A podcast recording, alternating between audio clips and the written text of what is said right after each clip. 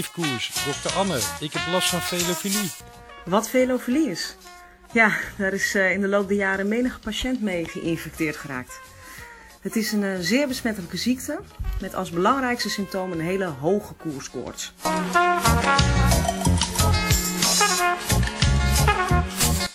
Velofilie dus. Zeer besmettelijk onder een groep fanatieke fietsvrienden. Samen zijn zij velofilie. En dit is de Velofilie podcast.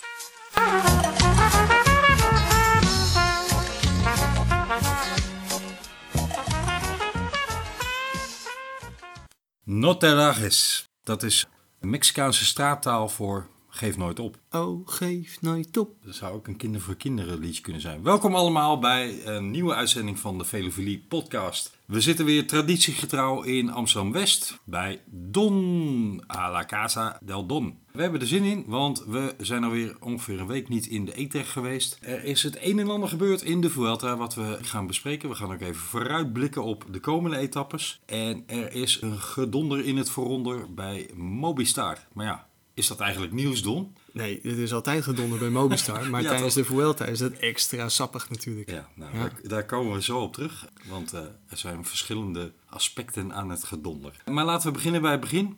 We gaan even terugblikken op uh, de afgelopen etappes. Er valt heel veel terug te blikken. Ik had nou. eigenlijk veel eerder met je willen zitten, Camille. Ja, uh, misschien moet ik dat ook even toelichten en de hand in eigen boezem steken. Want afgelopen woensdag waren wij al bij elkaar. Ja. Ik had er 20 kilometer op de zwaarste mamafiets alle tijden voor de Amsterdam-Noord getrapt. Jij, jij bent wel van het verst uh, gekomen. Ja. Maar ik, ik had ook uh, wat dingen meegesjouwd. En ik had de natjes bij me. En de natjes, uh, maar die hadden we allemaal bij ons, want we hadden een barbecue'tje. Ja, dat is waar. Maar ik, had, ik heb iets speciaals hè, voor deze uitzending. Ja, True. Uh, we kwamen er ter plekke achter dat ik helaas de adapter van mijn laptop even niet in mijn tas bij gestoken had. Dus we konden niks opnemen. Vandaar dat we enige vertraging hebben in de planning. We hadden gezegd dat we al iets eerder zouden terugkomen. Nou ja, dan doen we het vandaag. Hè? Zo zei het. Wel jammer, want er was echt veel te bespreken. En op dat moment was het helemaal vers nog. Het, uh, het mooiste tot nu toe van de hele Vuelta. Gaan we nou zo beginnen? Lekker dan. Nee, maar dat hele gedoe rond Mobistar, dat, ja, dat overschaduwt het nu een beetje weer. Ja, ja, ja. Het zwembad-incident is alweer enigszins naar de achtergrond. Uh... Nou, laten we daar gewoon maar eens beginnen. het is nog vers genoeg om het lekker over Jetse Bol te hebben zometeen. Zeker te weten. hey, we beginnen bij um, de zaterdag eventjes. Uh, we gaan er in vogelvlucht doorheen. Hè? Want we hebben weer een uh, origineel complot te pakken. Ja, dat is prachtig, hè? Die, uh, de ja. Team Time Trial, de, de rivier. Iedereen had in ieder geval als, als een van de grote favorieten Jumbo-Visma opgeschreven. Zeker, ja, ja, ja. En Jumbo-Visma ging met het halve team op zijn plaat. Ouderwets ja, niet, alleen Jumbo, op een bakkers. Acht minuten ervoor ook de... Ja, maar dat zagen we pas later allemaal. He, daar was geen camera bij. Dat was, ja, maar dat is toch ook raar? Ja, op zich wel. Er gaat een hele ploeg gaat onderuit en niemand die het ziet. Ja, dat werd pas later uit. Maar het schijnt ook niet op de, de, de radio geweest nee, Het was ook niet de meest interessante ploeg om te volgen. Maar laten we wel wezen, uh, er zijn maar twintig ploegen die, uh, die dan rijden. Daar kunnen ze toch ook wel uh, twintig camera's bij hangen? Blijkbaar niet. Maar laten we het niet helemaal hebben over die valpartij. Wel over het feit dat Kruiswijk daardoor na vier etappes moet afstappen. Gaan we zo even over door, denk ik. Er ga, de, in eerste instantie vroeg iedereen zich af, hoe komt dat water op het traject? Nou, daar kwam al heel snel een bericht naar buiten dat dat een lek kinderbadje zou zijn geweest. Hè? Nou ja, eerst zei men, uh, er was een dametje de tuin aan het sproeien. Uh, dat was, hè, iemand is zijn tuin aan het sproeien inderdaad. Toen was er een waterleiding kapot. Die, ja, en ik ja, die heb ik ook nog gehoord. Ik geloof dat we ook nog een foto hebben gezien van uh, een soort glasbakken of vuilnisbakken die gespoeld werden. Maar er zijn serieus mensen ingedoken, uiteraard weer op Twitter. De bron van alle complotten.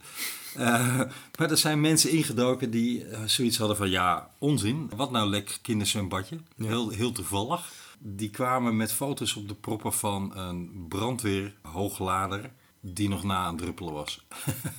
ik heb de foto niet gezien, maar ik vond het verhaal alweer buitengewoon vermakelijk, moet ik bekennen. ja. Nou ja, weet je, het is dat uh, Mobistar als laatste ploeg moest. Anders had ik natuurlijk flink meegedaan in het complotdenken, maar ja, nu denk ik, het zal wel meevallen. Nee. Maar, overigens, wij zijn de enigen die dit echt tot op de bodem willen uitzoeken. Ja, dat alle zijn andere, ja, alle andere ploegen of mensen over de hele wereld die naar de Vuelta kijken, die interesseert het eigenlijk niet zoveel waar het water vandaan komt. Je bedoelt, wij Nederlanders willen dat Tot- Ja, uiteraard. Of, of ja. wij twee. Ja, dat is toch echt die Jumbo-Visma eh, Nederlandse ploeg Ja. die onderuit gaat. Waardoor onze Nederlandse troef Kruiswijk uiteindelijk moet afstappen. Ja. Roglic die verliest, eh, wat is het, 40 seconden. Ja, anders had hij nu heel dik eh, in het rood gereden. Gaan we snel door naar etappe 2, want daar pakt Roglic die 33 seconden weer terug. Ja, de vette etappe uiteindelijk, hè, die aanval. Ja, iedereen had verwacht dat het een beetje lauw gebeuren zou worden. Ja. Hè? Niet heel spectaculair parcours. Er kwam nog het een en ander aan. Dus ja, de verwachting was misschien een, eh, een kopgroepje lopen. En toen bleek het ineens de Matadoren zelf te zijn. Waaronder, flapperend en al, Nairo Quintana. Ja, een soort sportieve revanche was dat. Ja, Mobistar dat, ik wil niet zeggen niks meer van hem wil weten, want ze, ze stellen hem wel gewoon op. Maar ze zagen het niet meer echt in hem zitten om eh, zijn contract te verlengen. Is het zo dat ze zijn contract niet willen verlengen? Of heeft hij zelf aangegeven dat hij weg wil? Dat laatste Ah. volgens mij. Oké, dat laatste is misschien ook wel logisch, want ja, als je elke keer wordt opgesteld samen met twee andere kopmannen en er wordt niet duidelijk voor jou gekozen, dan, Nee. eh, dan zou ik op een gegeven moment ook klaar mee zijn. Voorafgaand aan de Vuelta had ehm, Quintana een persconferentie waarin hij zei... Unzwe heeft nu gezegd dat ik de kopman ben. Dat is in die zin in etappe 2 misschien wel de reden geweest... dat hij nog eens even extra wilde benadrukken... kijk mij, ik ben hier de grote man. Ja, Zoiets zag ik er als motivatie. Hij reed met een, een enorm gespannen bekkie reed hij over die finish heen. Ik riep nog in de appgroep eh, van ons allen... eh, die sukkel vergeten te juichen. We zagen daarna beelden dat hij dat een meter of twintig na de finish pas deed. Ja, maar hij Maar- wilde elke seconde wilde ja, hij pakken. Ja. vol tot op de meet door. Op zich wel, eh, ik, het verbaasde mij. Ik had hem eh, bij lange na niet verwacht. Ik ook niet, zeker niet. Nee, nee. Daarom heb, Heb jij hem- in je, in je Scorito? Dat wil ik eh, net zeggen, ja, nee. Nee. ja, ik ook niet. Spijt van Wat was jouw overweging om hem niet te nemen? Ik, ja, de laatste jaren presteert hij gewoon niet meer. Het is, al, het is alweer drie jaar geleden dat hij nog een podiumplek pakte Ja. in een grote ronde. Hij leek een beetje aan het eh, Colombiaanse syndroom eh, te lijden. Ja. Maar goed, ja, als iemand zijn contract afloopt, dan gaan ze over het algemeen wel weer beter rijden. Dat, dat ben ik even vergeten mee te nemen in mijn Mhm. overweging. Ja? Ja, weet je, ik, ik dacht, ik heb maar zoveel geld. Ik ga voor Valverde deze keer. Ja, nou, ik ook. Ja. En wel omdat ik dacht dat hij in meer etappes van nut zou zijn. Ja. Bij etappe 2 begon ik al even ernstig op mijn hoofd te krabben of ik daar inderdaad wel goed aan gedaan had. Hmm. En ik ben weer eens in de ouderwetse val getrapt. Scorito is in dat opzicht gewoon een valspelletje. Je zit met een budget en in dat budget ga je keuzes maken. En die keuzes proberen op een soort logica te baseren. Dus is de overweging, Quintana reed geen goede tour. Ja. Kan hij dan in de Vuelta ineens wel magistrale dingen doen? Nou, nee. toch, nou, we zien het wel eh, door de jaren heen wel eens gebeuren, toch? Dat mensen Da- voor die herkansing toch in één keer wel eh, hun Ja. eh, huiswerk doen. En, en eh, als we even een aantal jaren terug in de, in de Vuelta duiken, dan kunnen daar rustig wat vraagtekens achter gezet worden op welke wijze dat tot stand gekomen is. Hè? Daar kom ik zo nog even op terug bij eh, de natte vinger. Dankzij ons alle, nou, ik zal zijn naam niet noemen, maar die wereldkampioen van 39. Ik dacht dus echt logisch nadenkend, Quintana, nee, die gaat het niet doen. Die is, die, die is het hele seizoen nog niet helemaal geweldig. Ik vergat alleen dat het de Vuelta is. En Ja. dat het Spanje is. En dat in Spanje... Ik wil niet alle Spanjaarden over één kam scheren... maar de mores ten aanzien van eh, gezonde ondersteuning... is toch iets anders dan... eh, Nou, er gelden gewoon weer andere wetten. ja, Toch? laten we, laten we het eufemistisch uitdrukken, ja. Dus je, ik dan gewoon de thuiswedstrijd. je kunt ineens in de Vuelta best heel erg goed zijn... terwijl je dat in de Tour vier weken voorafgaand geëindigd niet was. En dat ligt dan niet aan je hoogtestage. Dus daar trapte Ik zeg in. niks, ik zeg niks. Dat trapte ik in bij Quintana. Ik had dus tegen mijn gevoel in moeten gaan. Want dat is eigenlijk de, de, het lot wat Scorito ons oplegt. Hè. Je moet eigenlijk eh, elke keer als je denkt dit is een Ah, goede het leuke is, is als je je gok wel goed uitpakt. Ik had bijvoorbeeld Kruiswijk niet opgesteld, want ik dacht van nou, die heeft zoveel energie verspeeld aan die, eh, die tour. Die Ja. gaat eh, Ja. echt geen hoge ogen gooien in deze Vuelta. En eh, ja, hij valt in, in, die, in die team time trial en hij moet afstappen. Ja. Dan denk ik, kijk, toch goed gezien. Terwijl het helemaal niks mee te maken heeft. Nee, want jij had niet voorzien dat hij zou vallen. Nee. Je had alleen voorzien dat hij een minder klassement zou rijden. Maar oké, je keus wordt gerechtvaardigd op dat moment. Is, vind je terecht dat hij afstapt? Terecht, ja, als je gewoon pijn in je knie hebt dan, eh, en het gaat niet, dan moet je natuurlijk afstappen. Trekken ze hier lering uit eh, de soap Dumoulin, denk je? Speelt dat mee? Nou, nee, ik denk dat dat wel, eh, dat wel meevalt. Ja? Ja, maar ik denk dat Kruiswijk wel een weloverwogen keuze hierin heeft gemaakt. Ik vraag me af hoeveel pijn hij had. Zou dit zijn hoofddoel zijn geweest? Zou die Maar hij waarschijnlijk stapt niet voor niets af, hè? Nee, oké, maar ik denk dat die derde plaats in de Tour daar mede een Dat hij tevreden is. Dat ja, hij, eh, ja, seizoen geslaagd. Eh, het grote moeten was er misschien een beetje vanaf. Hm. Wat, overigens, eh, ik zeg het nogmaals, ik weet niet hoeveel pijn die in zijn knie had. Dus misschien was het wel gewoon echt 100% niet verder kunnen. Nou ja, dat is waar. Ja. Maar ehm, ik had niet de indruk dat het van zeg maar, dezelfde aard was als de blessure die Dumoulin de Giro Ja, had. bij Dumoulin, die, welke, welke rittenkoers reed hij nou nog? Waar is hij echt afgestapt? Eh, Is dat Dauphiné? Ja, de Dauphiné. Ja, die Dauphiné. Toen dacht hij wel van, nu moet ik het echt doen. Want dit is mijn kans om de, hè, om de Tour eventueel te winnen. Ja. En ik moet nog echt even wat, wat, eh, wat koersdagen in mijn benen krijgen. Ja. Dus hij moest en zou die Dauphiné rijden. En daar heeft hij misschien wel echt iets eh, kapot gemaakt. Zitten we in de Vuelta weer over de Tour te praten. Moeten verder. Eh, etappe 3 en 4 was een sprint. Ja. Eentje voor Bennett, eentje voor Fabio. Hulde voor Fabio. Zo, laten we het daar wel even over hebben. Ja. Ten eerste, hij had zijn ogen dicht. Dat, dat vond ik humor. Ja. Eh, want hij wist dus zelf niet of hij gewonnen had. Ah, die jump was wel vet, hè? Ja, hij kwam echt. eerst omhoog om vervolgens zijn volledige lijf die, die, die, die fiets naar voren te duwen. Ik dacht eerst eigenlijk dat hij eh, wilde gaan juichen. En dat Ja. hij binnen een fractie van een seconde dacht van... shit, ik juich te vroeg en ik, ik douw nog even die fiets naar voren. Maar goed, nee, toen ik het in herhaling nog eens keer keek... ik denk dat die, move hoorde bij zijn bij zijn jump. Ja, want hij was echt niet zeker. Nee, Nee. Nee. Ben het ook niet trouwens, want die juicht ook niet. Maar... nee, maar ja, wat wil je? Het scheelde echt, eh, het was denk ik twee centimeter. Mm, ja.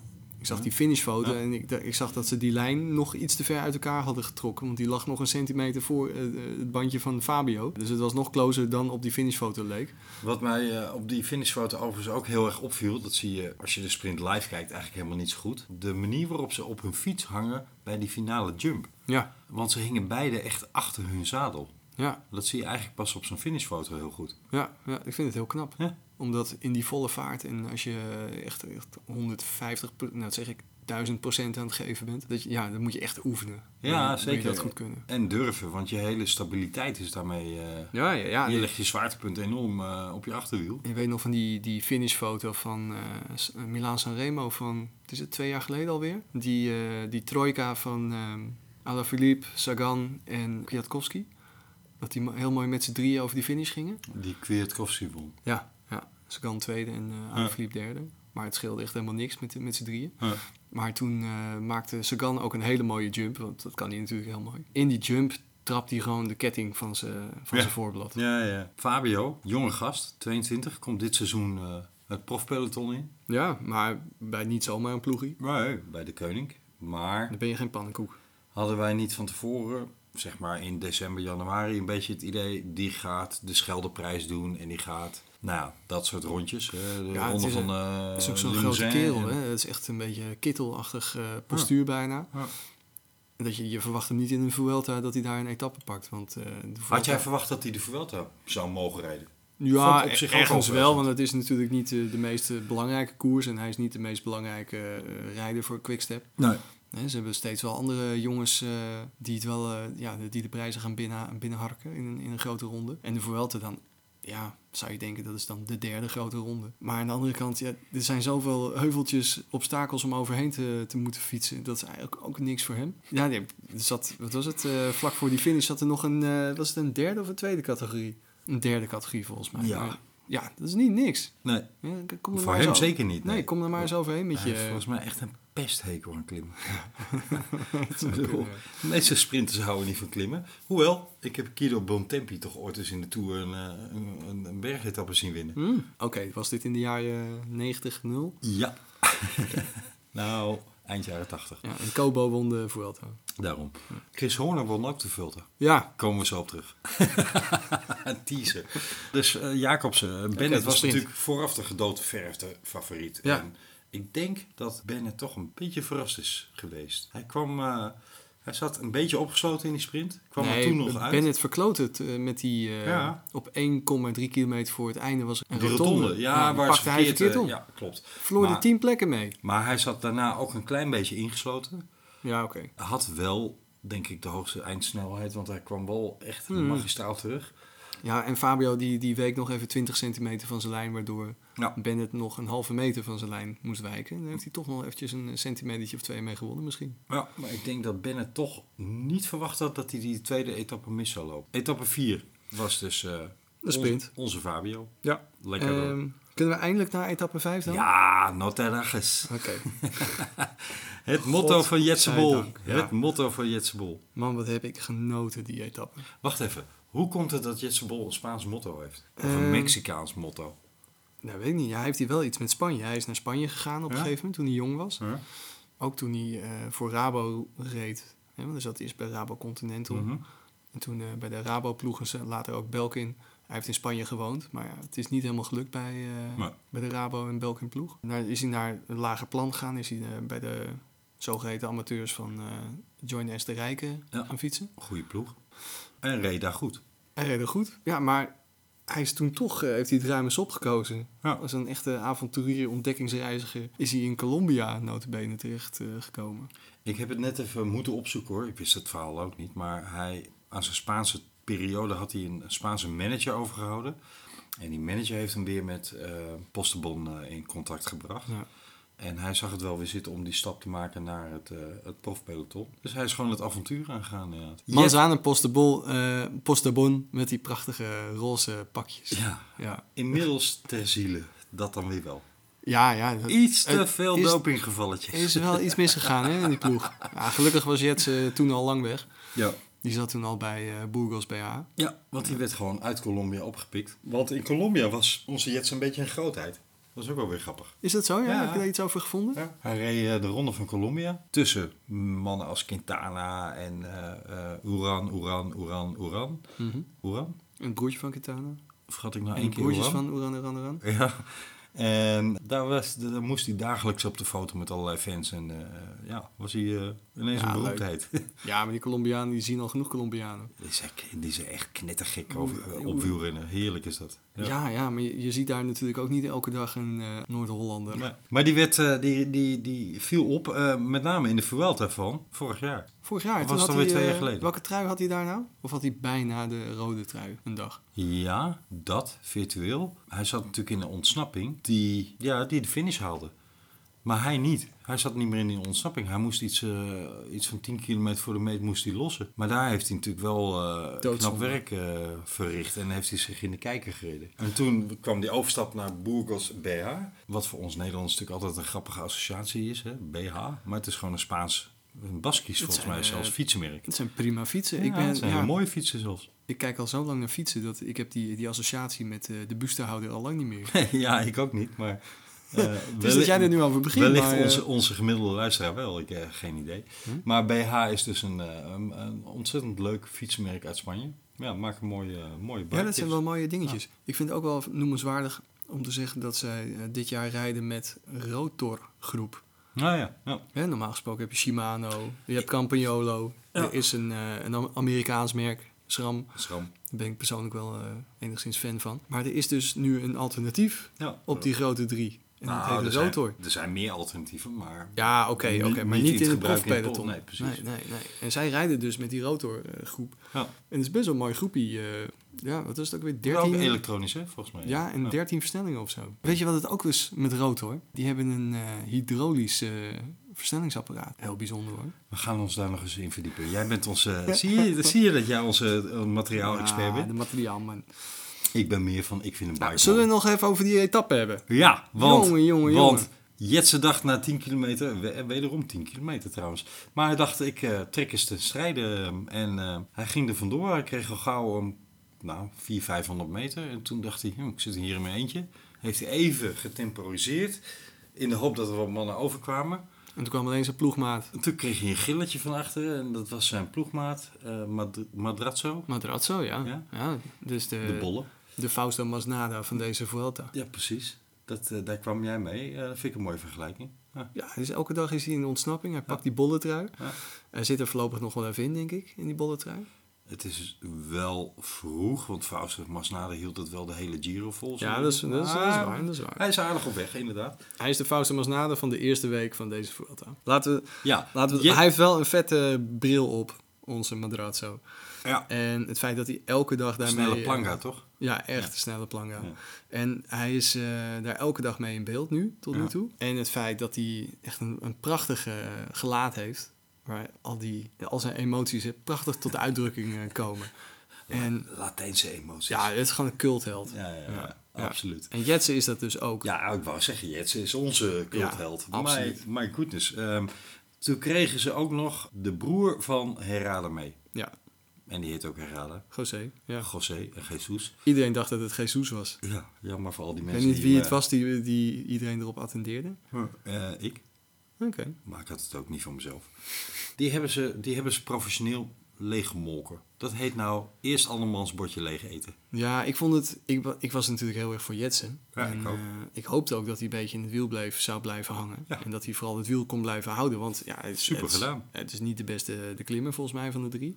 Nou, hij heeft wel getraind in Andorra met, eh met Geesing volgens mij. Ja, oké, maar dan, ben je nog niet de beste klimmer Nee, oké. in een groepje van eh, Madrazo en eh Herada. José Herrada. Nee, eens. Hij neemt ook iets meer kilo's mee. Ik geloof dat die Herrada iets van 10 kilo lichter is. En Ja. eh, Ma- Madrazo ook wel een paar kilootjes lichter. En natuurlijk in die bolletrui van Madrazo, die zegt ook wel iets over de, de klimcapaciteiten, denk ik. Ja, die zegt dat hij in ieder geval aardig... eh, Ja, ook al sprokkel je hier en daar wat op een derde categorie klimmetje, een, een puntje of twee. Je bent toch wel als eerste boven. Dat zegt ook wel iets. Ik hoopte dat hij in het wiel zou blijven zitten en dat deed hij ook. En dat was wel een beetje sneu voor, eh, voor Herrada. Maar hij bleef wel doorrijden.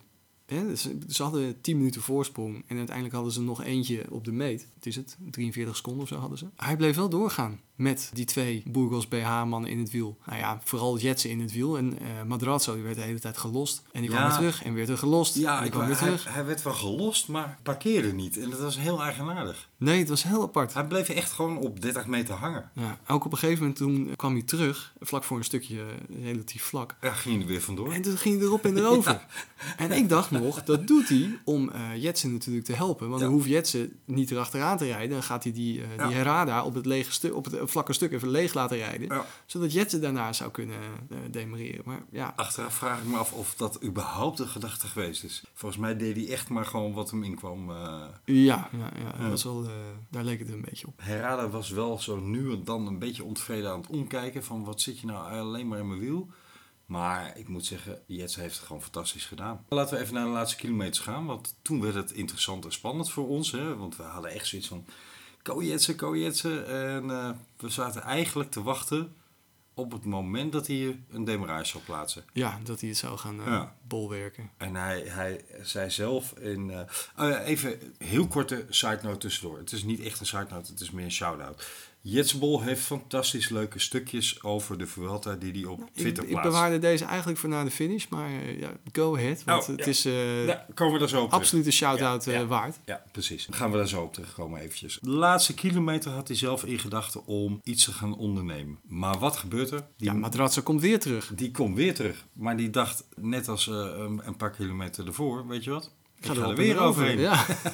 En wij dachten allemaal, mooie zet, want daar kan Jets in zijn wiel springen. Hè, als eh Herrada niks meer kan. En die kon niks meer, die, eh, die zat met zijn hol open. Maar dan kan eh Jets er mooi naartoe springen. Maar dat gebeurde niet. Nee, dat gebeurde niet. Nee. Nee. ja. ja, maar je moet het ook zien. Die Burgos BH is gewoon een klein ploegie. Eén Voor hun is het heel bijzonder dat die man in de bolletrui rijdt. Maar dat ze een uniek. etappe winnen, dat is echt helemaal uniek. Dus ik snap uh, Jetsen wel. Ik zag een overzichtje even. ehm pro-continentale ploegen die in grotere rondes etappes winnen. In de Tour in de afgelopen zes jaar twee. In de Giro 6 en in de Vuelta 7. Geeft een beetje aan dat het karakter in de Vuelta daar iets meer, eh, zich iets meer voor leent. Ja, ook, maar uh, Cofidis doet ook weer mee. Hè? Dat is nu ook een continentale ploeg. Wat bedoel je daarmee? Die winnen nooit iets. Nou, niet in de Tour, nee. nou, waar wel dan?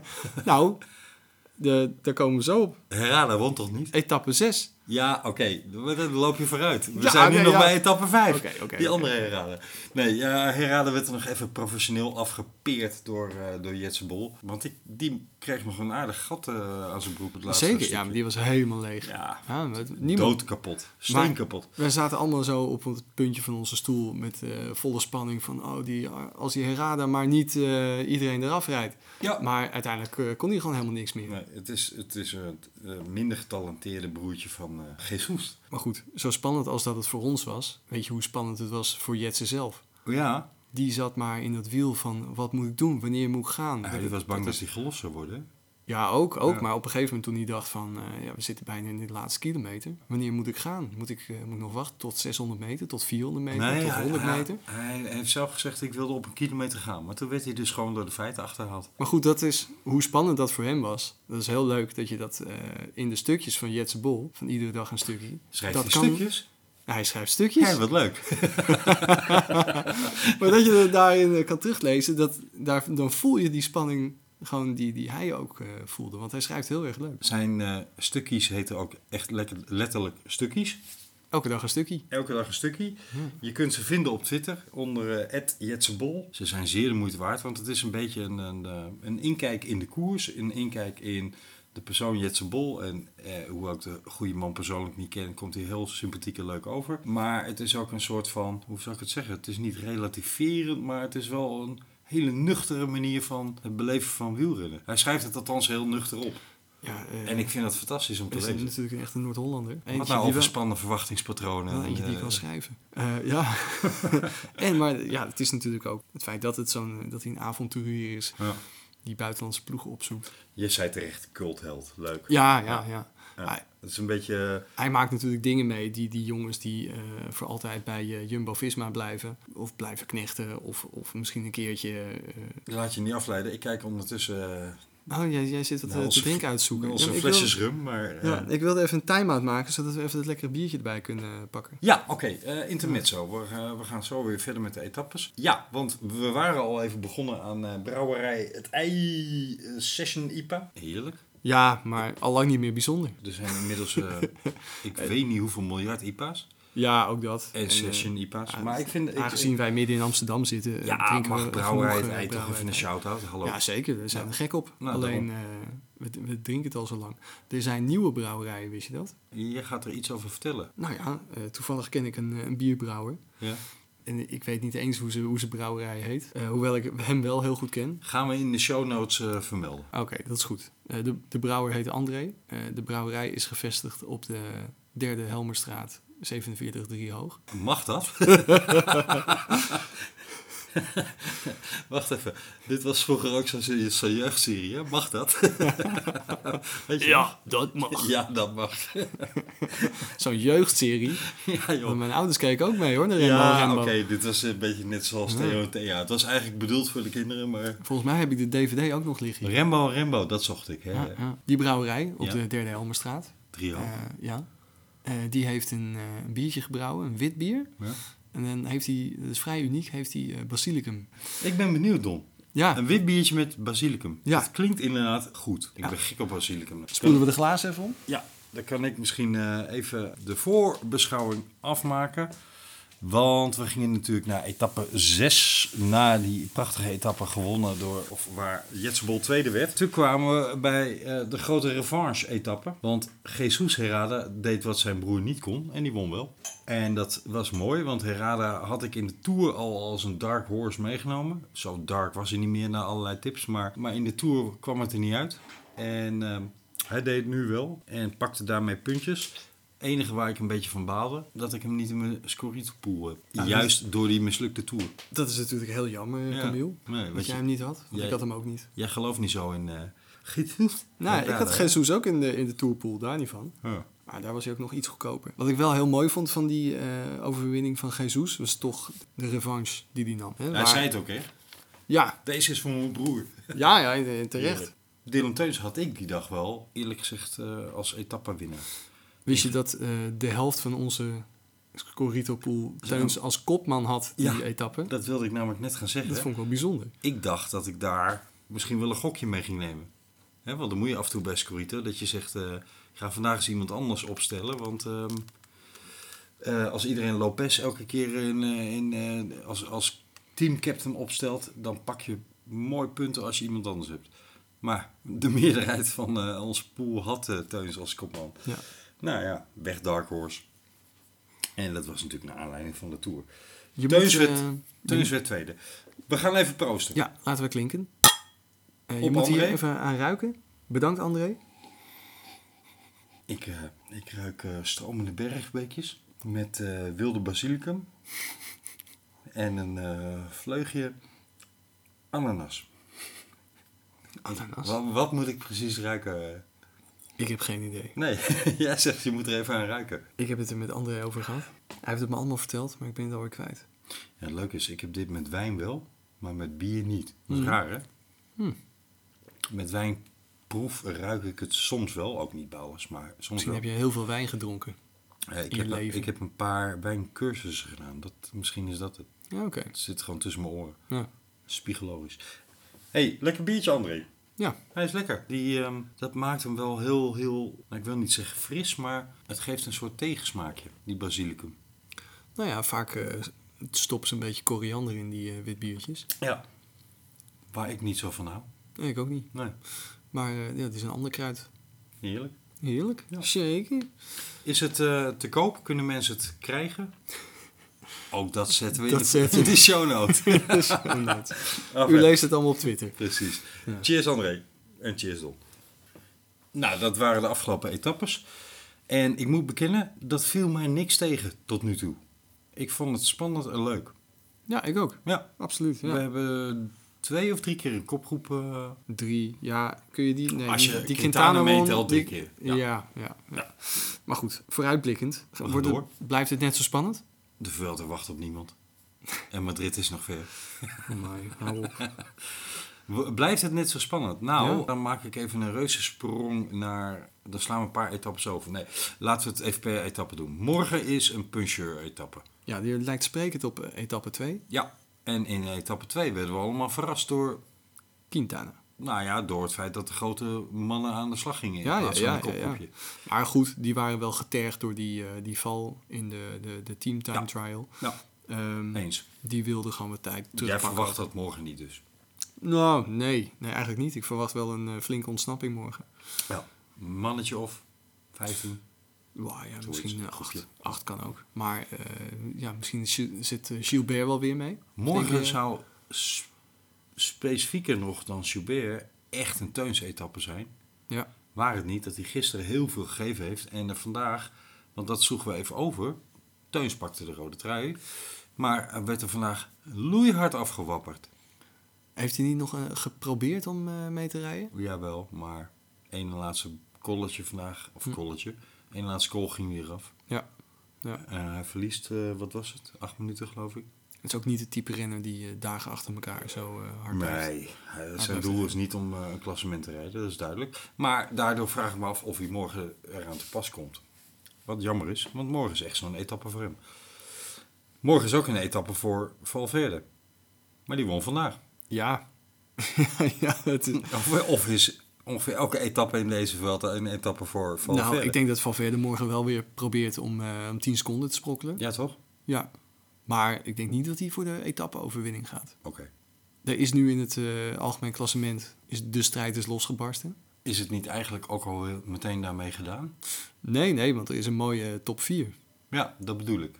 Oh, Maar- vind je- oh ja, ja. Nummer 5, Maika, staat toch al meteen op, eh, op twee minuten. Hmm. En dan Ja. zitten we op etappe 7. Hè? Die doet eigenlijk niet meer mee. Nee. Nee. Tenzij er iets heel bijzonders gaat gebeuren met, eh met Maika. Maar ik verwacht... eh, Nou ja, alles achter Maika doet in wezen ook al niet meer mee. Nee, klopt. Ja. Tenzij ze mee zitten in ontsnapping. Eh, zoals Geesink gisteren. Ja. Ja. Ja. Want, Geesink, hoeveelste staat hij nu? ja, die heeft vandaag ook een tikkie gehad. Dus die staat nu uh, uit mijn hoofd 19 of zo. Op nee, heel veel iets verder nog 35ste geloof ik. Zo. Of hij, nee, hij kwam als 35ste in de etappe binnen. En hij staat op iets van plek 19, ja. Daarmee kan... 31ste op 5 minuten 46. Oh, toch, ja. Nou, de- daarmee kan het ehm, ook zomaar morgen wel weer eens verrassend zijn. En, want dat is typisch de Vuelta. Je kunt het haast niet voorspellen. Geesink staat wel 19e trouwens. Ja, Op dat 9 zei ik. minuten 5. Hij kwam als eh, 31ste binnen. Eh, nee, ik zat bij de verkeerde dag te kijken. Ah, Oké. We knippen dit er ook weer uit. Nee, deze laten we erin. hey, maar ik moet iets voorspellen, zei je. Nee, nee, nee. Ik zei dat eh, de, de Vuelta jouw Scorito-specialiteit is. Hm. Ja, afgelopen jaar wel, ja. Maar dat, eh, daar lijkt het nu eh, niet meer op. Nee, hè? Nee. Nee, ik ben een beetje afgezakt. Nee, ik heb te veel op de sprinters eh, gegokt.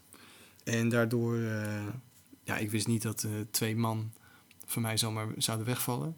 Oeran en eh Carty. Carty die, eh, die deed niet echt mee in de top 10, maar Oeran eh, wel degelijk. Ja. Eh, ja, die hebben een hele harde valpartij eh, hebben die gehad. Ja.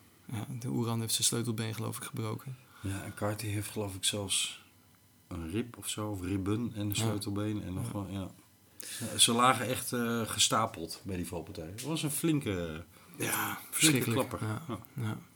Maar goed, Eh, er waren geen beelden van, maar ze zijn wel te vinden op YouTube, want er waren wel wat amateurfilmpjes eh, gemaakt. Wie er niet bij lag was Wilco Kelderman. Nee, Sta- staat bijzonder. 9 in het klassement, maar heeft last van zijn rug. Die schijnt nog steeds na 10 minuten klimmen eh, op slot Hmm. te gaan. dat is kloten voor hem. Ja. Ja. Daarom vind ik toch wel knap dat hij 9 staat. Ja, ja, ja. ja. Klinkt niet als een ideale conditie. Anders, anders had hij waarschijnlijk vlak achter Maika gestaan. Ja. Er zijn nog geen hele hoge bergen geweest. Maar dus niet de echte Wilco-klimmetjes bedoel je? Nou ja, of je kan zeggen eh, van die lange klimmen waar je heel erg veel last van je rug gaat krijgen. En dan wordt het nog erger. Maar Wilco is zo'n bijter hoor, die kan wel wat pijn verdragen. Nou, we gaan het zien, want zondag is eh, een flinke bergetappe. Ja. Wel heel kort, 94 kilometer, Ja. naar Andorra, Met eh, 2000 meter. drie of vier calls hè? Ja, ja, die eh, derde en vierde, dat is eigenlijk één berg. Maar die hebben ze in tweeën gehakt. Ja, omdat precies. er Er een, zit flink een soort stuk, eh, knikje in. Ja. Ja, er zit een stuk vlak tussen. Ja. ja, bizar eigenlijk. We hebben dit ook een keer eerder in de Tour gehad. Hè? 94 kilometer met een paar eh calls. Of 99 of wat het ook was. Maar net, net tegen de 100 aan. Maar we hebben het al voor, in de voorbeschouwing gezegd.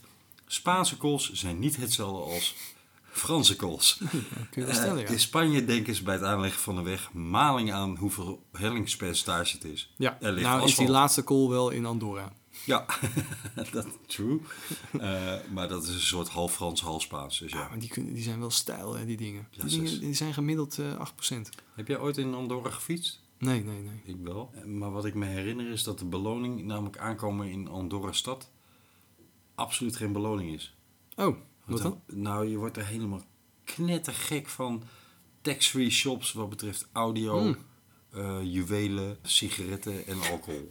En parfum, geloof ik. echt Het- hele, het hele stadje bestaat toch, in mijn herinnering, het zal wel iets genuanceerder zijn, maar, maar dan, dan zit je je de beesten eh, af te beulen om, om die berg op te komen. En dan kom je daar bij Andorra stad aan. En dan, dan kun je echt niks fatsoenlijks kopen, want het is één groot shoppersparadijs voor gestrande Amerikaanse toeristen. Wat verschrikkelijk. Nou ja, ik kijk wel uit naar de etappe. Voor wie Andorra wel interessant is, we hebben hem net al eventjes Ja, bij Geesink. Ja, Geesink. Ja, hij woont daar. Het is een thuis eh, Ja. Hij heeft er veel getraind. En natuurlijk, jij zei het al, Jetse Bol ook. Eh, ja, die heeft met Geesink daar getraind. Ja. Nou, denk ik niet dat hij zo'n bergetappe eh, zal gaan winnen. Dan zal die wederom in de ontsnapping moeten gaan zitten die pak een beetje team voorgift krijgt. Ja. Ja, maar een etappe van 94 kilometer zal er wel mee. Lastig hè? Ja, Ja. dat gaat niet lukken. Nee, die, want dit gaat er eentje worden voor de grote mannen, denk ik. Dat denk ik ook. Ja. Dat wordt wel vuurwerk. Maar dat denk ik in de verwad wel vaker. En dan is het toch zo dat er een kopgroep gaat lopen. Daar, daarom scoorde ik vorig jaar maar 32% eh, Maar ja, in mijn pool. Dit jaar gaat het iets beter dat gaat wel best wel eh, voor de wind eh, bij jou. Ja. Ja, maar kunnen we ook meteen even een shout-out doen naar de koploper in onze pool, Jur de Koning. ja, die heeft heel veel punten. Nou, die staat gewoon netjes in de top 250 algemeen. Doet hij goed? Ja, respect man. Ja, absoluut. Dat is pas één week. Ja, en dan na Andorra, Eh, dan gaan we echt husselen. Jongens, als Andorra al niet een enorme map op het klassement geeft, in wezen ligt het al wel een beetje in de plooi hoor, vind ik. Maar eh, van die top 4 gaan we in Andorra waarschijnlijk ook nog wel zien dat, dat er wat, wat gaat schuiven en bewegen. Maar dat kan allemaal daarna weer goed gemaakt worden. Want, Er is een inter- individual time trial. nou, en waar is die? ITT, dat, ja, in Pauw natuurlijk. In Pauw. Zeg je nou ook een Pauw? in, in Po. Ik ben Ja, Frans. goh, wa- wa- waar doet het me aan denken? Een beetje op de... Hoe heet die, hoe heet die ook weer? Wat, wat was er nou in de eh, Tour ook weer een etappekoers in Frankrijk. Oh, in, in, in, in de Tour hadden we ook een, eh, een individual time trial in Po. Ik weet het ook niet waarom. Ik vind het redelijk bizar. Zou Po eh, gewoon eh Ik denk dat geld ze een, gevonden hebben? Ja, ik denk een marketingoffensief. Zoiets. Ja. Of, of zit de ASO nu ook in de organisatie van de Vuelta? Voor een deel wel. Is dat zo? Ja, voor Huh. een deel wel. Hm. Zal wel daar iets mee te maken hebben. Enfin, we gaan eh, een, eh, een leuke team trial... eh team, oh. Individual time trial. We gaan een leuke tijdrit. Laten we het gewoon in het Nederlands doen. Oh ja. Tegemoet. Hij is lang genoeg om een behoorlijke klap te kunnen uitdelen. Want hij is... 36 kilometer. 36 kilometer, ja. Moeten we nog zeggen wie voor ons de favoriet is? Nee. Tony Martin, hè? Duidelijk.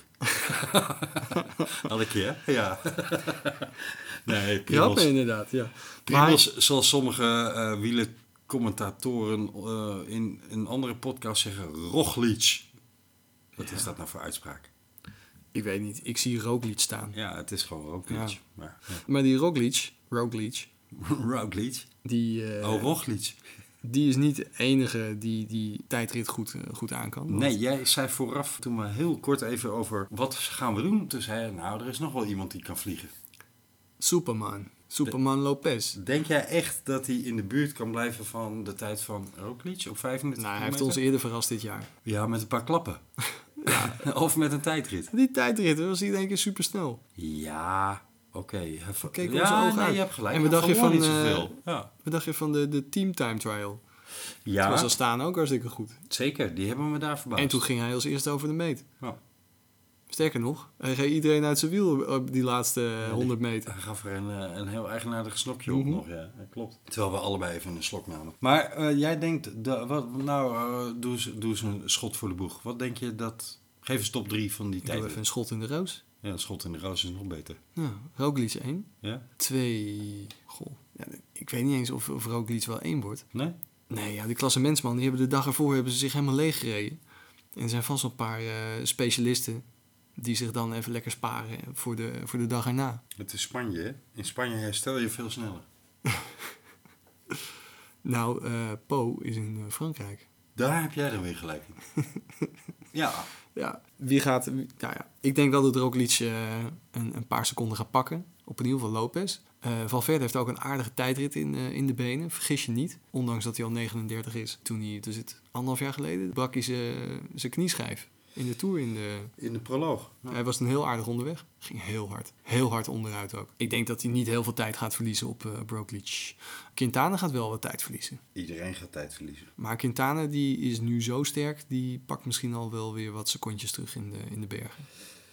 Die tijdrit is eh Spaans vlak. Ja. Ook dat is weer een leuke side note van Jetse Bol. Die aangaf dat hij een keer ehm, koers in Spanje aan het rijden was. Ik ben hem even kwijt. En in de voorbeschouwing las dat eh Wielenflits hem eh, vlak genoemd had. En hij zei achteraf, er is geen meter vlak geweest. Dus sindsdien noemen ze het Wielenflits vlak. Ja, Oftewel Spaans vlak. Maar die tijdrit is ehm, ja, Spaans vlak. wielenflitsvlak. Wielenflits vlak. Dat is het specialisme van en er- en de, de, er zit niet genoeg elevatie in om, om eh, Quintana of wie dan ook ook maar enigszins te laten profiteren. Dus ik denk dat er echt tikken gaan vallen. Zeker, juist omdat die etappe ervoor zo kort en heftig gaat zijn. Ik verwacht dat het misschien wel twee minuten gaat worden. Op 36 kilometer? Ja. Ja. Kun je die afsluitende Zou kunnen. tijdrit van Dumoulin herinneren in de Giro? Ja, toen pakte hij ook zo'n beetje twee minuten op Ja. Quintana, Ja. was dat hè? En, en nou, anderhalf minuut was dat volgens mij toen. Maar dat was toch ook niet eh, veel langer dan dat? Nee, nee, dat was zelfs iets korter volgens mij. Ja. Dus ja, het moet kunnen. Lopez daarentegen, ja, dat wordt wel eh, lastig om daar anderhalf minuut op te pakken. Maar je weet het niet. Ik denk eh Roglic. Het zou me overigens ook niet verbazen. Tony Martin is wel hard, ook gisteren tegen het asfalt gegaan. Maar dat hij er gewoon heel kort op zit. Ja, maar ik denk ook dat Tony Martin eh, zich nog wel een beetje spaart voor, voor Roglic, hè? Denk je niet? hij Zou die voluit mogen gaan van, eh, van Jumbo? Nou, de etappes ervoor pakt hij relatief rust door in de bus te gaan zitten natuurlijk. Dat hoop ik voor hem. Ja. En na de tijdrit is het een rustdag, dus wat dat betreft kan hij wel een beetje bijkomen. Ja, Ja. precies. En Tony Martin is niet de man die zich gaat inhouden. Wilco Kelderman kan ook aardig tijd rijden. Ja, het zal er denk ik Dit is ook op een parcours voor hem. op zitten. Als eh, je zegt hij heeft pijn in zijn rug, dat is natuurlijk op een tijdritfiets niet zo lekker. Ja, het gekke is, dat, nou, ik heb alleen gehoord dat hij tijdens klimmen pijn in zijn rug heeft. Maar Mm. ik weet niet of het tijdens tijdrijders is. Ja, oké. In het proloog was hij de grote motor, hè? Of in de team eh, Ja, proloog. de ploegentijdrit, ja. precies. Ja. Daar kon je duidelijk zien dat hij uh, Sunweb eh, enorm op sleeptouw nam. Nou ja, die zou nog wel eens eh, wat secondjes terug kunnen pakken daar. Het gaat een leuke week worden tot de rustdag. Zeker. Absoluut, Ja. want ehm, er staat wat spektakel te wachten. Het is eh, de Vuelta. Je weet nooit wat er gebeurt. Verwachten wij hier nog ergens een, eh, een conctie of een eh, combine? Of een, eh, gaan er nog mensen samenwerken om de ander tegen te werken? Nou ja, we, we zouden het nog hebben over het uh, Ja, dan, dan manoeuvreer ik naartoe, hè? Ja, ja, ja de, ho- de Hommelus binnen Molbistar. Flobistar. Gedonder in het voorronde. Ja, nee, dat bedoel ik eigenlijk. Je verwacht met twee man in één en dezelfde ploeg in de top 4. Je verwacht dat zo'n team het enorm zou uitspelen. Ja, maar dat hebben ze nog nooit goed gedaan. Sterker nog, ze rijden elkaar een gort. Ja, Valverde gaat er keihard vandoor op een klim. Rijdt daar Quintana op. Wat was het toen? Half minuutje? Etappe of twee geleden. En ehm, verklaart doodleuk na afloop. Ik leid hem anders in. Dit gebeurde allemaal, maar Quintana heeft na die eh, etappe als eerst gereageerd in de pers en gezegd... Unzue, de ploegleider van Flobbystar, heeft gezegd... het is eh, duidelijk dat Valverde vanaf nu de leider is die we gaan steunen. En nog diezelfde dag reageert Valverde met... nee, Nairo blijft gewoon onze kopman die we allemaal blijven steunen. ja, maar wanneer spreekt Valverde de waarheid? Wanneer spreekt Unzue de waarheid? Wanneer spreekt Quintana de waarheid? Het is, het is wederom één groot chaos verhaal. Het, is, het lijkt helemaal nergens op. Die hele ploeg. Het is, het is een wonder dat die nog zulke goede resultaten weten te halen eigenlijk. Nou ja, de, de- ze hebben aardige renners in de ploeg. Alleen niet, die halen geen resultaten door, door het ploegenspel. Nee. Nou ja, ze hebben ook aardige renners niet in de ploeg. Ja, wel in de ploeg, Maar maar, wie niet schuld in de is dit nou? Is dit, is dit eh Unzue? Zijn er, denk je, andere mensen die daar aan de touwtjes trekken? Jazeker. Er ehm, schijnt een, een, een rel aan de gang te zijn met een wielermanager die een aantal Zuid-Amerikaanse coureurs, waaronder Carapaz, in zijn eh, portfolio heeft. Eigenlijk de traditie de afgelopen jaren had om elk Zuid-Amerikaans talent als eerste naar Movistar te brengen. Maar die heeft het aan de stok gekregen met Unzue. En die heeft gezegd, ik trek alles en iedereen bij jou weg. Of uit die ploeg weg. En dat heeft al een voorgeschiedenis voorafgaand aan de Vuelta. Want eh, het feit dat Carapaz in Etteleur een criterium aan het rijden was. Zonder dat Mobistar daarvan op de hoogte was. Dat kwam al en dat heeft die manager gewoon in de, in de pers naar buiten gebracht. Ja, waarom zou ik de ploeg daarvan op de hoogte brengen? Nou, dan weet je wel hoe laat het is. hè? dat, dat zijn er rare dingen aan de hand. dat in het land eh, van whereabouts. Ja. Of nou ja, de sport van whereabouts. Er waren al rare dingen aan de hand. Permanent, standaard in Mobistar. Maar nu, on top of that, hebben ze dan ook nog eh, iemand die de ploeg probeert eh, ja, leeg te trekken. Dus kortom, ik ben heel benieuwd hoe die ontwikkeling zich voortzet in de velden. Want de ene dag zal Quintana waarschijnlijk proberen Valverde aan te vallen. En de andere dag gaan we zien dat Valverde Quintana uit het klassement We gaan ze het achteraf uitleggen als een briljant... eh, Wat is ook alweer het spreekwoord? Waar de twee vechten om een been, gaat de derde ermee heen. Als wij nu, na dag 7, een schot richting Madrid schieten, wie zeg jij dan staat daar op het hoogste treedje? En dan doen we het even voor de tijdrit. nou, als Roglic die derde week goed doorkomt, dan staat Roglic daar. Ja, met als doe ik prijs in de fles. Zonder als. Wie staat er op het hoogste schafotje? Roglic. Roglic. Kijken lul. Ik blijf vasthouden aan... eh, ik, ik denk dat je gelijk hebt, maar ik ga een tegengeluid laten horen en dat is dan Lopez. Ja, oké. Hij heeft eh, goede papieren. En dat is eigenlijk alleen maar omdat ik het vertik om te zeggen dat die man van 39 hem misschien wel wint. Want Je maakt je vinger nat, je steekt die op en als die droog wordt, dan is het goed hè. De natte vinger. De sappigste quotes uit het wielerpeloton. Valverde weet het toch, eh, zei ik nou zijn naam hardop? Ja, je hebt hem Ik gezegd. schrik er zelf van. Betrapt en hebt het opgenomen. Oeps, het moet. Het is namelijk een quote van hem. Nee, hij weet zichzelf weer zo ongenadig hard terug in de tijd te werpen. En, en bij iedereen weer de herinnering aan Operation Fuentes boven te brengen. Wat heeft hij gezegd? De ongelofelijke Biel heeft geroepen... Ik ben wel 39, maar Chris Horner won de Vuelta nog op zijn 42ste. Is nou niet 1, 2, 3 een associatie die ik actief naar buiten zou brengen. Nou ja. als, als er twee recente Vuelta-overwinningen dubieus en verdacht waren... Dan was het één die van Kobo. Daar weten we inmiddels allemaal van dat hij niet eh, valide bleek. En twee die van Chris Horner. Die zelfs na zijn overwinning in in de Vuelta... het jaar daarna met de grootst mogelijke moeite een team kon vinden. Ja, dat is waar. Ja, En dat, gaat, dat is waar, Dat maar- gaat onze wereldkampioen de pers in slingeren. Ofwel, die man is weergaloos naïef. hij leeft natuurlijk in een andere wereld. Of het, het interesseert hem gewoon helemaal niet. Hij is ontas- on- ontastbaar. Ze hebben hem niks kunnen sowieso, maken. ja. Ja, eh, eh, ik, ik hoor de laatste tijd steeds vaker respectvolle geluiden over eh, Alejandro Valverde. Ik deel daar niet in mee. Die man rijdt de stenen uit het de- wegdek, heeft een, een, een, palmares waar je u tegen zegt. Maar het is en blijft voor mij een oplichter. Nou zijn dat er vele in het peloton, absoluut. Maar ik heb er respect voor als je bijvoorbeeld gepakt wordt en dan opbiecht en zegt, joh, dit en dat, en je komt terug. Ik heb er minder respect voor als het redelijk evident is. En dan druk ik me vrij mild uit. Dat je met je haren vol in die vrieskist vol bloedzakken eh, hing, maar dat je altijd ontkent. Allemaal legaal, hè? Allemaal eh, puur wit, schoon, panaqua. Ja, weet je, het is... eh, Ik vind dat je, als, al, jij als onze complottenman zit hier wel heel lauwtjes eh, te wezen. ja, Don. maar laten we wel wezen. eh, hij, weet je, hij heeft gewoon vrienden op eh, bepaalde plekken. Het feit dat hij ooit geschorst is, is eigenlijk al heel bijzonder. Ik roep het net zoals in de Tour weer hoor. Kijk naar de etappe die hij vandaag, ik weet niet wanneer jullie dit horen luisteraars, maar die hij vandaag wint. Die etappe wordt natuurlijk spannend door zijn punch op het eind. Leuk. Ja, ja, dus dat in dat waar. opzicht heb ik respect voor de man. Ik heb respect voor zijn palmares. Maar ik echt met Chris Horner op de proppen durf te komen, durf te komen. Ik vind het gewoon een schande. Vind, zeg jij dat Chris Horner een pakhaas is? Ik zeg dat Chris Horner ze met containers tegelijk genomen heeft. Oké, oké. Ik zal niet zeggen dat ik dat niet geloof. Weet je, Valverde hoort er wel bij. Hij is eh, the guy you love to hate. Ja, precies, dat is het. Ja, Ja. zeker voor jou. Bij jou is het liefde, bij mij is het haat. nou, bij mij is het geen liefde, maar nee, ik is vind bij hem, mij eh, haatliefde, ja. hij hoort er gewoon bij, weet je. Het is ook eh, een heerlijk figuur om je tegen af te zetten, omdat hij zo vaak ja, iets ja, ja. wint. Dan kun Ja. je vaak roepen, hé, gaat verdamme weer die Valverde. Ja, en wel eens op een, eh, een smerige manier, Ja, weet je wel. Hij, is wel eens gedemereerd terwijl iemand aan het plassen is of is gevallen. Of, Ja. En dan daarna ontkennen natuurlijk, wat natuurlijk nog veel onsympathieker is. Dat is precies wat jij zegt. Ja, hij rijdt Quintana gewoon op een doekje vandaag eh, of gisteren. En, eh, en daarna gewoon in de pers roepen, nee, Nairo Ja, blijft onze kopman. kopman. Ja, ja, ja. Het is, Vuile naaier. ja, maar als, als Hollander vind je dat natuurlijk eh, echt, echt verschrikkelijk dat mensen dat, dat überhaupt kunnen doen. Echt Nou. Een rechtlijnige protestantse Hollander. Nee, Van dat ben boven ik de niet. Ik, ik ben eh, in katholiek Limburg geboren, dat weet je.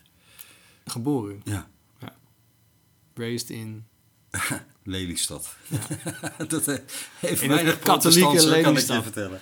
Nee, oké, maar... Nee, ik ben niet zo heilig. Kijk, wielrennen is gewoon van origine een katholieke sport. En als iets in die traditie hoort, is het elkaar flikken. Absoluut. En dan schiet je er desnoods eens een paar rozenkrantjes achteraan om het weer, eh, weer kwijt te zijn. Hè? Ehm, dus dat hoort bij het wielrennen. En uh, Valverde is gewoon een uitstekend wielrenner. Maar dat wil niet zeggen dat ik hem sympathiek hoef te vinden. Nee, vind ik ook. Ik heb hetzelfde met... eh, oh nee, ik ga niet over voetbal beginnen. Toch weer benoemd. hey, ehm, we zijn er wel eens een beetje doorheen, denk ik, hè? ja, want jij kan nog eh, volgens mij uren doorgaan over hoe erg jij Valverde haat. Absoluut, daar kunnen we Eh, een maar- podcast aan wijden. Het is wel heel leuk dat je zijn naam weer eens een keertje in de mond hebt genomen. Wat dat betreft ga je wel vooruit. Ik schrok ervan. Ja, Ik zal het ook niet meer doen. ja. Dinsdag op de rustdag zien we je weer bij de, bij de praatgroep. Ja. Ik ben eh, Camille en ik haat. Hallo, ik ben Camille en ik ben verslaafd aan het haten van Valverde. nee, ja, haat vind ik het te groot woord. Maar ik, ik zet me heel graag af tegen die man. Ja. Eh, en ik denk dat ik daar een paar sympathisanten binnen Mobistar voor heb. Ja, dat zou zomaar Ik kunnen, noem, ja. Ik noem ene Landa, ik noem ene Carapaz, ik noem ene... Quintana. Quintana. Ja, ja, ja, ja. dat zou zomaar kunnen. Ja. Misschien Hey, moet je eh, een eh, ploeg eh, beginnen. Laatste roddel over die Quintana gesproken. Ehm wij hebben het de hele zomer gehad over Arkea Samsic.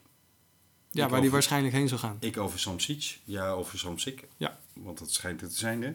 Maar er gaan nu toch geruchten dat het een andere destinatie kan zijn. Vertel je. Quintana schijnt nog niks getekend te hebben. En dat heeft volgens mij Bahrein weer op zijn spoor gezet. Wauw. Ja. Gaat hij die oliedollars opstrijken? Nou ja, denk je dat Quintana eh, geïnteresseerd was in Arkea vanwege de enorm goede ploeg? Nee, maar ik weet niet wat Samsic voor, eh, voor geld verdient. Ja, die, die, Maar dat, Bahrein, dat is wel duidelijk. Samsic had in ieder geval volgens mij 2,5 miljoen klaar liggen. Oké, dat is niet verkeerd. Daar zal Bahrein nog wel iets op moeten doen dan. Dat denk ik ook. Of, Ehm, dit, of dit waarheid is, is punt 2. Maar bij Samsic eh, ja, heeft hij geen, eh, geen echte ploeg nog om zich heen. Nee. Bij Bahrein, daar gaat uh, Poels naartoe. Ook dat is een gerucht. Poels ontkende en werd pissig toen ze een beetje aandrongen bij, eh, bij Eurosport. Dat was, vond ik een knap stukje journalistiek. En ze zeiden, nou, we hebben al met de ploeg gesproken en die ontkennen het niet. en, dat, en dat vond Poels alles behalve amusant. dat zeg. ja. Heerlijk, dat eh, goed op elkaar afgestemde persbeleid. Ja. Ja. ja. Maar dat is voor Poels meteen een goede leerschool. Eh dan kan hij wennen aan het feit dat eh, niet alles zo strak geregeld is Als bij bij- Bahrein als, als bij Ineos. Nee, als we het toch over Poels hebben. Onze Wout is heel professioneel tijd aan het pakken. Is dat zo? Ja, dat doet hij ruim. Dat heb ik nog helemaal niet gezien. Maar hij, toen het in etappe 2 misging, want ook dat hebben we niet benoemd. Maar Nee, nee, nee. wat ging het daar allemachtig mis voor Ineos, zeg hé. Die hele ploeg kon helemaal niet. Dat ene kleine klimmetje niet eens op. Echt, Nee, dan moet, met z'n allen op 9 minuten. dan moet iets in het eten hebben gezeten. Of Nou, juist niet. Ketonen waren even nog niet eh, in Ja, Spanje ja, bijvoorbeeld. Ja. Ja. Maar het is die hele ploeg. Dat, dat kleine klimmetje. Die reed achteruit. Elke, al die, die continentale ploegen, die, die gingen allemaal lekker mee. 9 minuten 51 zeg ik uit mijn hoofd. Ja, krankzinnig. Bizar. Maar daar heeft hij daarna nog een keer 8 en nu weer ruim 8 bij opgeteld. Hm, ja. Dus ik zeg, hij gaat voor eh, etappes en hij is professioneel tijd aan pakken. Als je voor etappes gaat, dan, dan hoef je toch helemaal geen tijd te pakken. Nee, met tijd pakken bedoel ik zich op achterstand laten rijden, zodat hij geen Oh, gevaar voelt. oh, ik dacht dat jij zag dat hij juist... eh, Het is ironie, want hij had al voldoende achterstand om überhaupt al een vrijgeleide te Ja. krijgen van het peloton. Met die 9,51. Maar hij heeft er nog eens even ruim eh 17 minuten aan toegevoegd de afgelopen dagen. Hij staat er nu op eh, 31 minuten. Ja. Ja. Hoe ver wil hij... Ik, ik dacht dat... Hoeveel tijd wil hij verliezen voordat hij denkt, zo nu laten ze me wel rijden? Ik dacht, eh, wat bedoel je nou met tijd pakken? Want ik had hem niet voorin zien rijden. Ja, tijd pakken als in eh, op achterstand gereden worden. Ja, maar hij had al meer dan genoeg achterstand. Ja. Dat, dat was de hele grap die ik maakte. Ha, ha, ha. Dank je. Weergeloos voorbereiding. En Ja. wat doe jij? Je schiet hem naast. Het was laat gisteren. Nou ja, Wout, eh, ik zie het hem niet meer doen hoor. Ik, ik denk, ja. Hij heeft zelf aangegeven dat hij eh, de Vuelta wil rijden, omdat hij zich goed voelde. Ik zie het niet terug. En daar is iets heel Nee. raars aan de hand. Want Ja. Kegenhard gaf er vandaag een heel, heel, heel... Ik denk dat het 20 meter duurde. Een heel klein snokje aan. Die hele ploeg. De hele ploeg. Wat is er mis, hè? Ja. Hebben ze de verkeerde mensen meegenomen? Hebben ze hun neusfluit van eh, vorig jaar of het jaar daarvoor? Wanneer we hem met eh, 2017. iets te veel eh salbutamol... eh, hebben ze die neusfluit er niet mee misschien? Dat zal het zijn, hè? Ze hebben allemaal zware eh, sportastma daar. eh, nou, hun beste man op dit moment is eh, David de la Cruz, volgens mij. Ja. Toch weer een Spanjaard trouwens. Had ook niemand verwacht, want die mocht alleen rijden omdat zijn manager even ingreep. Dag, Kenny Elizonde. Ja, erg. Toedels. Ja. Ja. Zou dat er iets mee te maken hebben? Nou, het gekke is dus, we hadden het net over de strakheid van Ineos. Maar het rammelt dit jaar ook wel behoorlijk daar. Ja. In de Giro gaat Benal een weekend tevoren, volgens mij, zoiets, een week van tevoren brak hij schouderblad in een trainingsritje.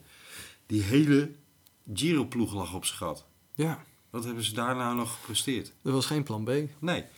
Vervolgens rijden ze een Tour, 1 en 2.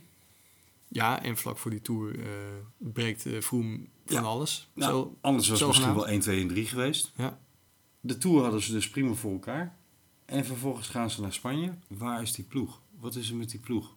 Ze hadden en helemaal Hart hadden ze het een week van tevoren als kopman. En toen kwam Poels er de last minute nog even bij. ja. De La Cruz doet het niet. Had het misschien wel moeten zijn, toch? Nou ja. Op basis eh, van ervaring. En Kegenhard, die heeft in de Giro eh, ook al een kans gekregen om... eh, maar daar toch helemaal niks in gepresteerd.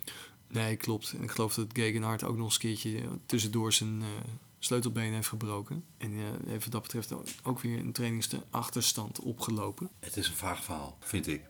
Ja, die hele ploeg. Ja. Voor een team die twee jaar geleden nog de Giro en de Vuelta won. Ja. Eh, sorry, de Tour en de Vuelta. Het was zo. Ze wonnen de Vuelta en het jaar erop de Giro en de Tour. Dan hangt het dus toch wel heel erg sterk met Chris Froome samen. Net zoals eh Sunweb uit Tom Dumoulin bestond, blijkbaar. Nou, Bernal en Thomas 1 en 2. Ja, Ja. maar wat was dan het, het plan B voor de Vuelta als dat, dat Froome ook zou gaan rijden? Ik denk dat ze gewoon niet genoeg commerciële belangen hebben. Bij, die, de- bij die hele Vuelta. was ik denk dat andere ze... jaren wel zo? Nou ja. Ja, nee. Vroom die wilde hem heel graag winnen. Wickers heeft hem eh, ook gereden met, eh, met, met Chris toen als eh, knecht. Froome Wiggins. heeft- ja, Ja, oké, maar Wiggins is ook een, een wat dat betreft een, een icoon van de ploeg. Nee, maar ik bedoel, ze hebben altijd grote namen in de Vuelta opgesteld. Nou, als de grote namen hoeveel wilden. ze hechten. Als ze dat wilden. Want Froome die wilde heel graag alle grote rondes eh, gewonnen hebben. Ja. Ehm, hè, die had toen nog niet in 2011 de, de Vuelta gewonnen. Die bleek pas achteraf dat hij toen al gewonnen had. Ja, ja, precies. Dus dat was helemaal niet nodig in 2017. Nee, precies. Maar Wiggins die had ook wel zo'n eh, ambitie. Ja. Ja. Wiggins die is zelfs nog eh Parijs-Roubaix gaan rijden. Maar omdat hij die ambitie had om die beeld ooit eens- van eh Ineos eh, voorheen Sky. Waarin ik denk dat Brailsford daar de grote denktank is. Maar jij zegt, eigenlijk hebben die renners dat min of meer te bepalen. Nou ja, wel als ze de Tour vier keer hebben gewonnen. Nou ja, Wiggins Ja, had nog oké. pas één keer gewonnen. Ja, Maar toen was Wiggins natuurlijk larger than life. Ja. Die bepaalde echt wel waar hij even ging rijden. Nou, is dat wel zo? Hij moest het jaar daarna gewoon naar de Giro, hè? Dat was niet helemaal zijn zin. Moest. Ja, hij moest. Ja, Hij mocht niet meer naar de Tour. Ik weet nog wel hoe die daar in die afdaling reed. Toen Ik- hij eh, ik onderuit was gegaan en toen het Ik- zijn regende. fiets eh, tegen de berg aansmeet. Nou, ook dat. Maar hij ging echt als een, eh, als een, als een omaatje. Ja. Met, met een rollator met twee lekke banden ging hij die, Ja. die afdaling af. Ik weet niet of hij moest toen. Ja, hij moest. Hij mocht niet naar de Tour.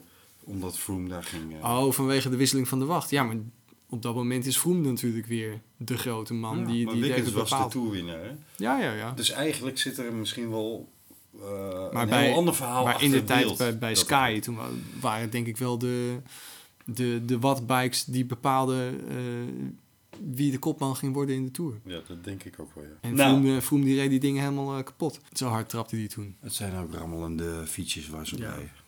Zeker. Slechte plakspul, man. nee. Mooie fietsen, die Pinarellas. We zijn er doorheen. Een hele dikke um tot slot. Ja, Ik verwacht nog een hoop. Deze ik wilde eigenlijk nog beginnen over eh, van eh, eh, die jongen die de ronde van Polen won. Sosa, die heeft ook nog aardig gereden.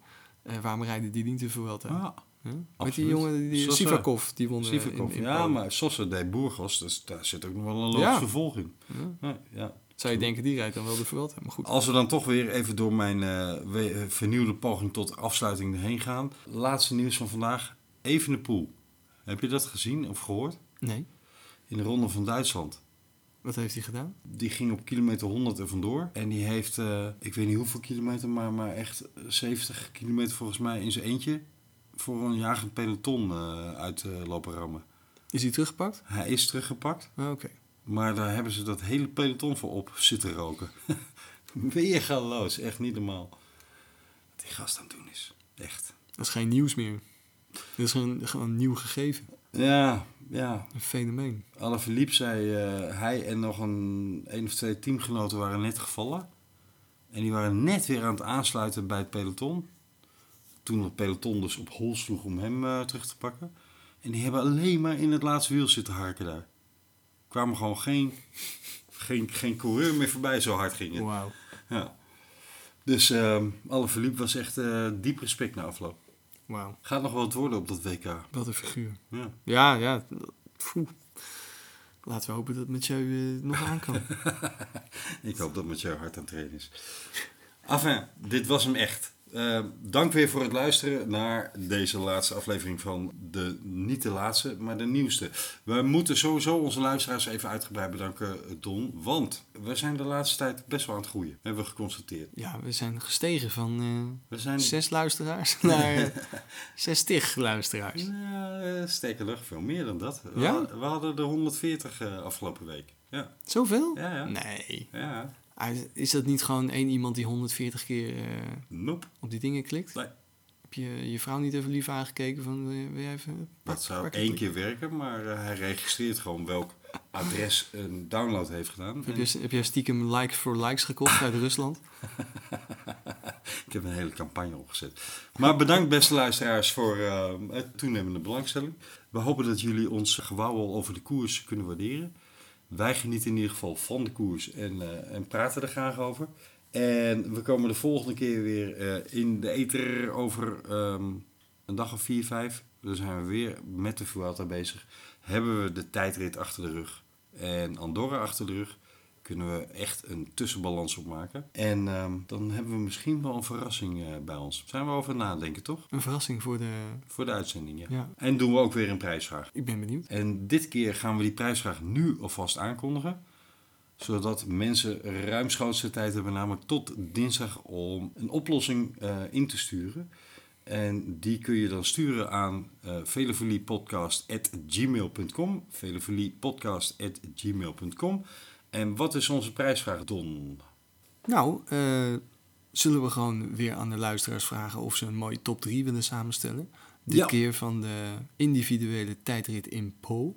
Yes. Ja, als ze die sturen naar veleveliepodcast.gmail.com, dan eh, gaan we daar eens eventjes naar kijken wie de mooiste voorspelling heeft eh, samengesteld. Ja, Ik zal dit keer niet zelf meedoen. Eh, dus dan eh, is de prijs weer te vergeven aan iemand eh, die aan de andere kant van de speaker zit. Ja, je mag hem overigens ook sturen. ik onderbreek je even naar @velofilie op Twitter. @velofilie op Twitter. Dus als je de top 3 via Twitter in wil sturen, kan dat ook. @velofilie.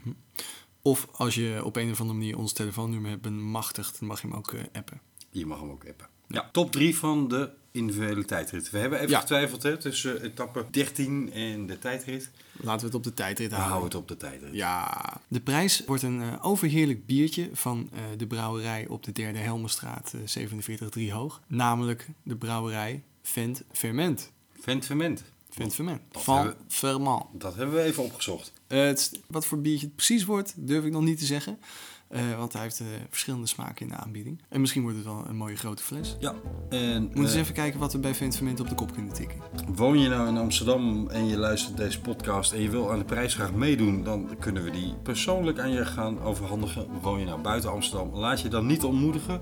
We sturen het gewoon heel. En zeker ook als je in Vlaanderen of in Wallonië woont, want we hebben een aantal trouwe bij, eh, Belgische luisteraars. Heel leuk.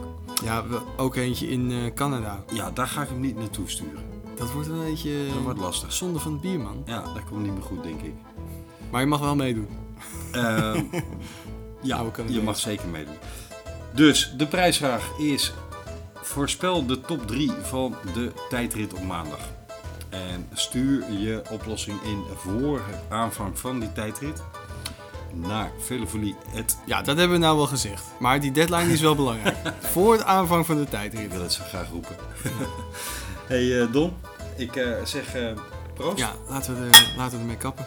op een. Het is laat genoeg. Op een tot nu toe leuke en verrassende Vuelta. En zoals de Vuelta betaamt, dat gaat alleen maar verder. En dat gaat alleen maar door. Want als je gewoon naar de etappes die komen kijkt, gekke werk. Ja, Ongelooflijk. geitenpaadjes, nog, puncheur-etappes. Een beetje geit haalt zijn neus ervoor op. Ja. En daar mogen de heren coureurs lekker overheen. Wat dat betreft vind ik het soms jammer dat er maar zo weinig aandacht voor de Vuelta is. Want dat is weer toch een heerlijke ronde. Nou, ze zijn misschien ook een beetje met een charme-offensief bezig. Vroeger was het heel veel eh, snelweg en eh dorre droogtes. Ja. Maar eh, de laatste paar jaar, Doen ze leuk, hè? ja, Ja. het is echt heel leuk. Ja. En ondanks de eh, valpartij van een aantal grote klassementsmannen blijft het denk ik toch leuk spannend. Met die vier grote die we nu eh, voorop hebben. Ja, en gaan het twee zien. mannen in één ploeg. Dank voor het luisteren en uh, no te rajes. No te rajes. Hasta la próxima. Hasta la próxima.